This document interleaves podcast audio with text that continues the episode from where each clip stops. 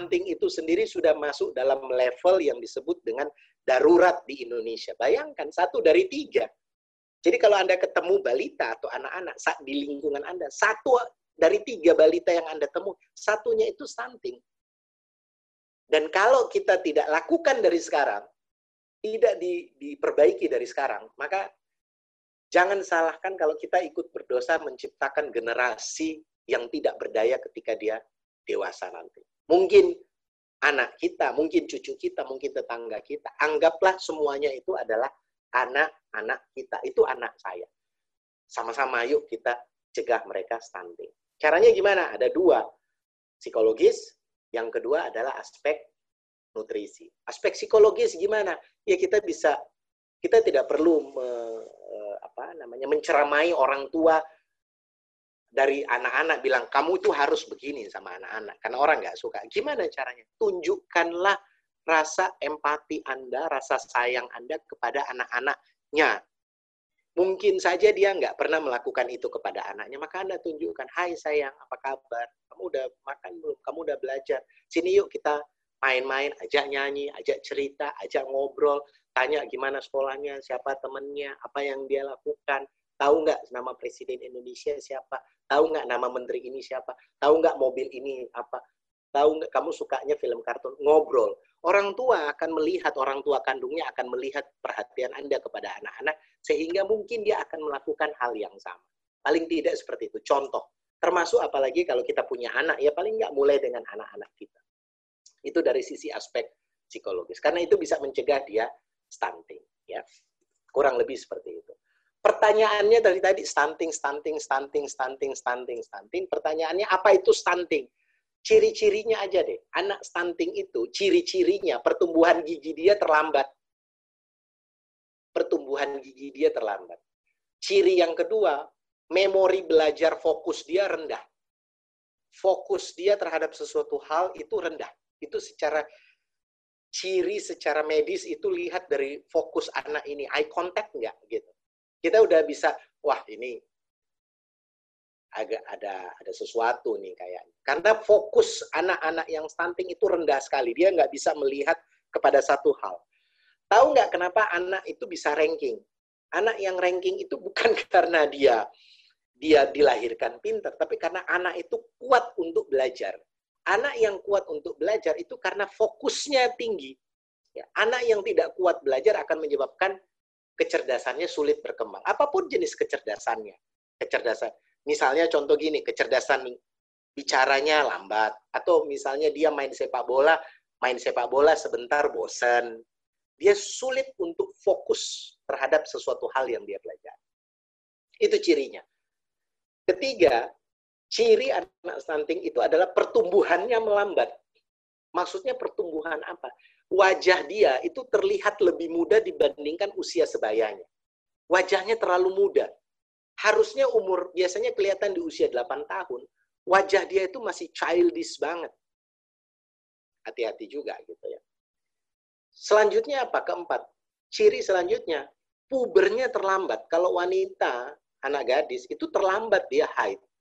Sudah sampai usia keberapa belum haid juga. Gitu. Padahal biasanya anak haid antara 9 tahun sampai usia 14 tahun maksimal harusnya dia sudah haid. Ini belum. Ya, atau kalau misalnya dia laki-laki sampai usia tertentu dia belum mendapatkan uh, pubertas. Ya Anda tahulah bagaimana pubertas laki-laki. Dan yang paling bahaya itu adalah anak tersebut biasanya salah satu ciri utamanya itu adalah anak tersebut pendiam. Anak tersebut pendiam ini kadang-kadang aneh kalau orang tua melihat anaknya tuh lari-lari dia malah marah. Ini anak berisik banget. Gak bisa diam. Itu menandakan anak anda itu sehat. Kalau anak, justru kadang-kadang saya justru agak spooky melihat orang tua memperlakukan anaknya itu seperti dia memperlakukan uh, pembantu rumah tangganya. Misalnya apa-apa harus nanya. Mama boleh nggak makan ini? Mama boleh nggak saya ke kamar mandi? Buset. Mama boleh nggak saya pakai celana ini? Mama boleh nggak pakai baju ini? Terus kadang-kadang orang tua itu bangga sekali anaknya lihat itu anak saya jadi penurut. Oh jadi aduh itu bukan penurut harus dibedakan antara penurut atau jangan-jangan anak itu terintimidasi di dalam hidupnya Dia mengalami tekanan batin yang begitu sangat karena orang tua terlalu mendominasi. Dan terkadang orang tua justru senang kok anaknya jadi pendiam. Hati-hati terhadap anak yang terlalu pendiam karena Anda nggak bisa tahu apa yang terjadi kondisi di dalamnya.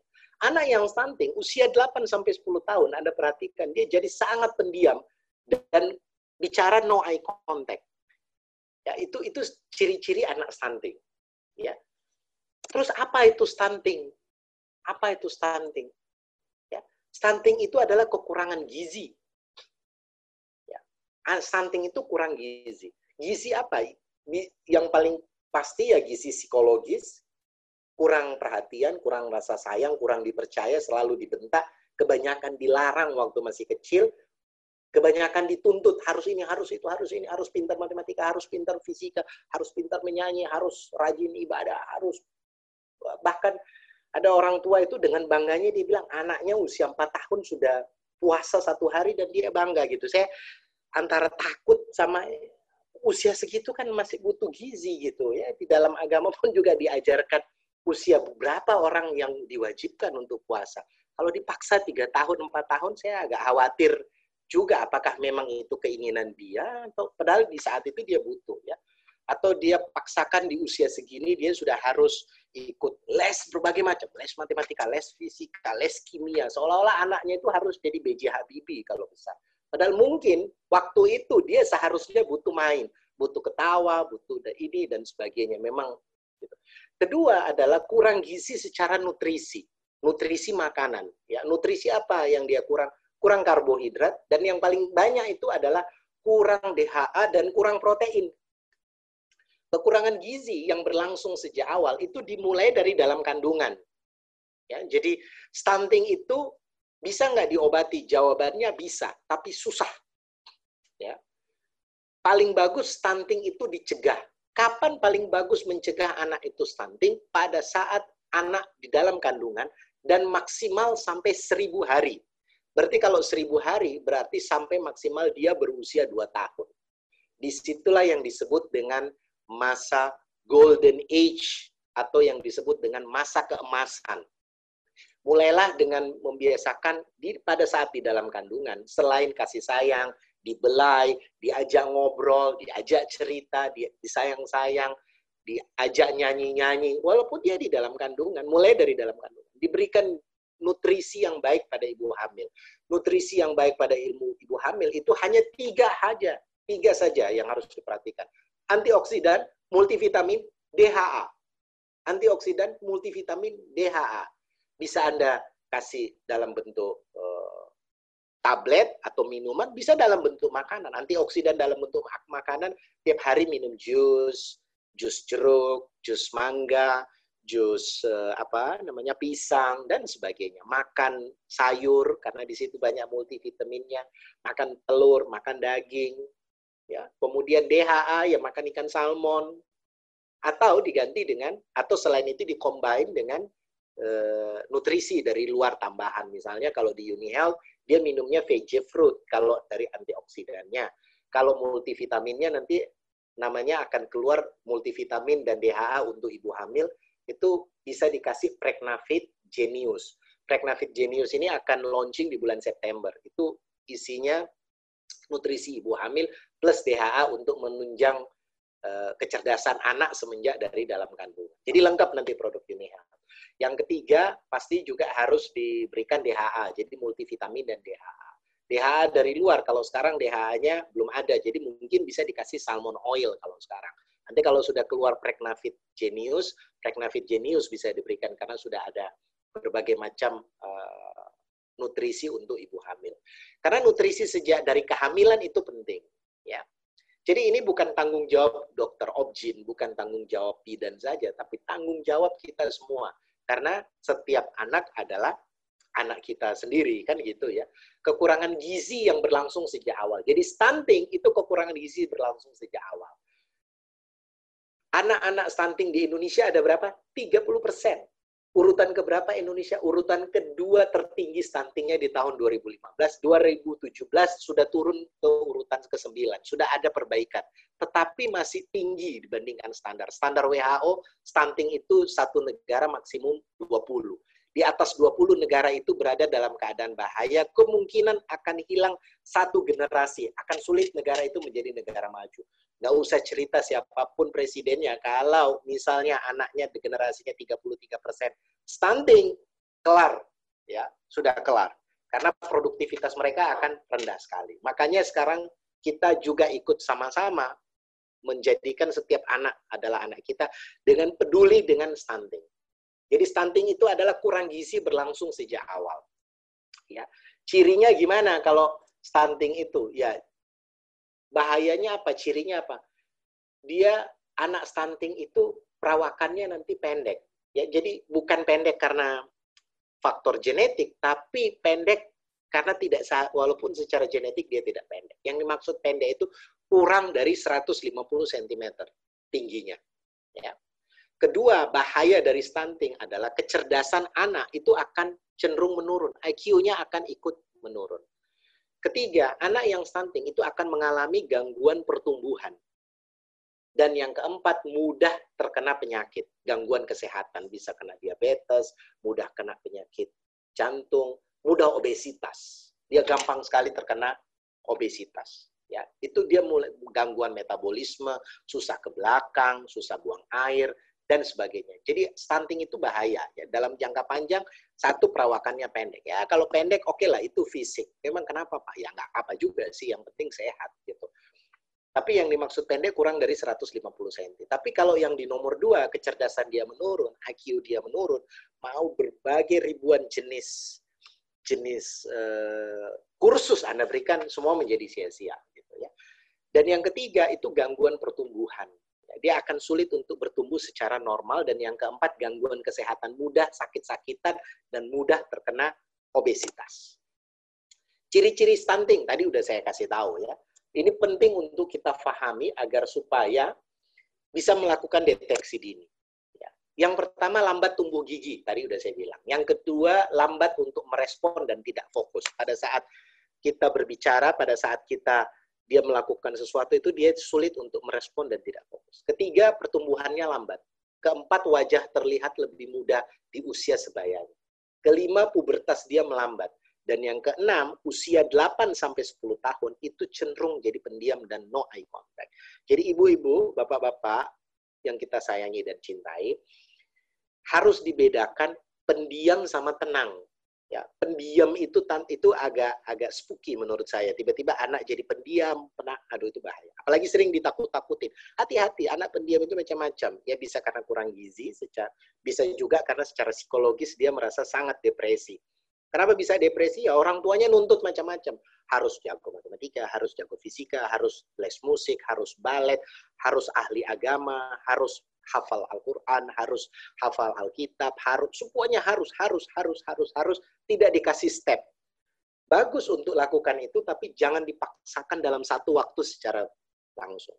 Pilih, ya, kasih dia sesuai dengan kebutuhannya, step by step step by step, step by step. Kita saja sudah besar kan nggak suka di pressure habis-habisan gitu ya.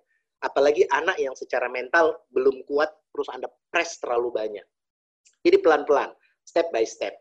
Lihat apa kemampuan dia, berikan rasa sayang, biarkan dia tumbuh seperti apa yang dia inginkan, orang tua kasih jalur-jalur, kasih pilihan-pilihan. Kalau kamu ini nanti jadi ini, kalau kamu ini nanti jadi ini, kalau kamu ini ini, kalau kamu belajar ini akibatnya ini. Jadi sebab akibat yang diajarkan dari kecil sehingga mereka akan terbiasa untuk belajar mengambil keputusan. Dan yang paling penting juga adalah nutrisinya. Ya, nutrisinya. Bagaimana cara mengatasi stunting? Stunting itu dimulai saat hamil. Ya, saat hamil minum antioksidan, multivitamin, dan DHA. Kalau di Uni Health minum veggie fruit, multivitaminnya itu minum eh, apa namanya adult formula, DHA-nya minum salmon oil, itu aman, ya. Tapi nantinya itu akan keluar produk khusus untuk ibu hamil, dia akan lebih murah karena sudah ada antioksidan, ada multivitamin, ada DHA, namanya Pregnafit eh, Genius, ya. Jadi itu antioksidannya tinggi, multivitaminnya tinggi, DHA-nya tinggi, dan sehingga ibu hamil hanya cukup minum satu hari satu kapsul. Ya. Kalau saat ini di Uni Health, ya Anda cukup kasih VG Fruit karena dia paling soft antioksidannya dan paling komplit, paling soft dan paling komplit. Ya. Tidak tidak bagus, tidak tinggi banget, tapi tidak jelek. Bagus, soft. VG fruit itu antioksidan yang paling soft. Ya. Kemudian Anda bisa kasih dia salmon oil. Salmon oil itu bagus karena dia kandung karena dia sudah mendapat salmon oilnya Unihealth karena sudah ada sertifikat bebas bebas uh, cemaran logam ya karena dia berasal dari laut biasanya tercemar. DHA-nya juga bisa dari salmon oil. Multivitaminnya bisa dikasih adult formula karena paling safe, paling soft juga itu karena semuanya komplit dikit-dikit tapi komplit. Kedua, cara mengatasi stunting itu dengan melakukan IMD. Ya, ini biasanya kalau ibu bidan pasti udah tahu. Tapi IMD itu pasti kurang lebih seperti ini. Pada saat baby lahir, wajib untuk satu jam pertama wajib untuk disusuin. Biarkan dia cari susunya. Ini sepele kan, sering kan dulu ingat ibu-ibu, saya ingat istri saya waktu melahirkan anak saya itu pasti ibu bidannya karena pasti langsung bawa anak itu untuk disusuin sama mamanya untuk dia cari. Karena IMD ini satu jam pertama anak minum susu ibu itu kolesterolnya paling tinggi ya. Kolesterol dari ibu hamil, bukan kolesterol sapi. Ini kok malah ada yang bilang kasih aja kolesterol sapi. Nanti besarnya jadi sapi dong. Orang kok dikasih kolesterol sapi. Jadi yang dikasih itu kolesterol dari mamanya ya. Langsung disusuin pertama sehingga itu bagus untuk mencegah dia stunting. Ya. Kalau 1 sampai 5 ini dipenuhi, insya Allah nggak mungkin stunting. Ya. Ketiga, ASI eksklusif. Minimal sekali 6 bulan. Minimal 6 bulan. Itu harus ASI eksklusif. Ya. Itu sebabnya di dalam Undang-Undang Ketenaga Kerjaan yang baru, itu harusnya ibu hamil itu diberikan cuti 6 bulan pada saat ibu melahirkan cuti 6 bulan, supaya dia punya waktu untuk memberikan ASI kepada anaknya selama 6 bulan. Keempat, ini sepele, tetapi imunisasi itu harus lengkap. Harus lengkap. Ya syukur-syukur Anda memberikan imunisasi tambahan yang di luar dari minimal. ya. Dan yang kelima, itu nutrisinya harus bagus. Ya, nutrisi yang bagus dan aman. Untuk di UniHealth, kalau dia sudah lahir, maka di usia setelah enam bulan, mulai satu tahun, Anda bisa memberikan stunting itu kalau di UniHealth dengan kasih dia susu Starfish Nutra, pilihannya tiga Starfish Nutra atau Star Kids. Star Kids-nya itu bisa pilih fish oil, bisa Star Kids Gold. Ya, jadi kalau cara mengatasi stunting itu cukup kalau nutrisinya Anda mau kasih yang bagus, itu nutrisinya hanya dua. Starfish Nutra sama Star Kids. Tergantung, nanti tinggal pilih fish oil atau Star Kids Gold. Ini tergantung dari kebutuhan anak-anak. Dan ini mulai dari umur satu tahun. Enam bulan sebenarnya sudah boleh. Tapi idealnya satu tahun. Karena alias sebelum satu tahun, anak itu berarti masih dapat ASI. Tapi kalaupun setelah enam bulan Anda mau berikan Star Kids Nutra, apakah aman? Jawabannya aman. Begitupun juga dengan Star Kids. Apakah bisa? Jawabannya bisa. Apakah aman? Aman. Nah, ini perlu diketahui untuk membuat produk anak itu lebih sulit. Rangkaiannya itu lebih panjang dibandingkan membuat produk dewasa. Dan perusahaan-perusahaan, dalam hal ini utama sekali Soho, kita bahkan memiliki salah satu bisnis, salah satu cara berbisnis yang disebut dengan compliance, kepatuhan. Dan Anda bisa lihat dari Soho Societas Honorabilis, perkumpulan orang-orang terhormat karena perilaku hidupnya yang terpuji. Itu yang dimaksud itu bukan slogan, tapi bagaimana kita menjalani bisnis sehari-hari. Artinya apa? Bikin produk anak itu tanggung jawabnya besar sekali. Dan harus super-super hati-hati. Karena dampaknya nggak main-main, ini bisa merusak. Nggak boleh asal-asal bicara. Ya. Saya pun kasih tahu kepada Anda itu benar-benar kasih tahu bukan asal-asal bicara, karena ini dampaknya kepada anak-anak gitu ya.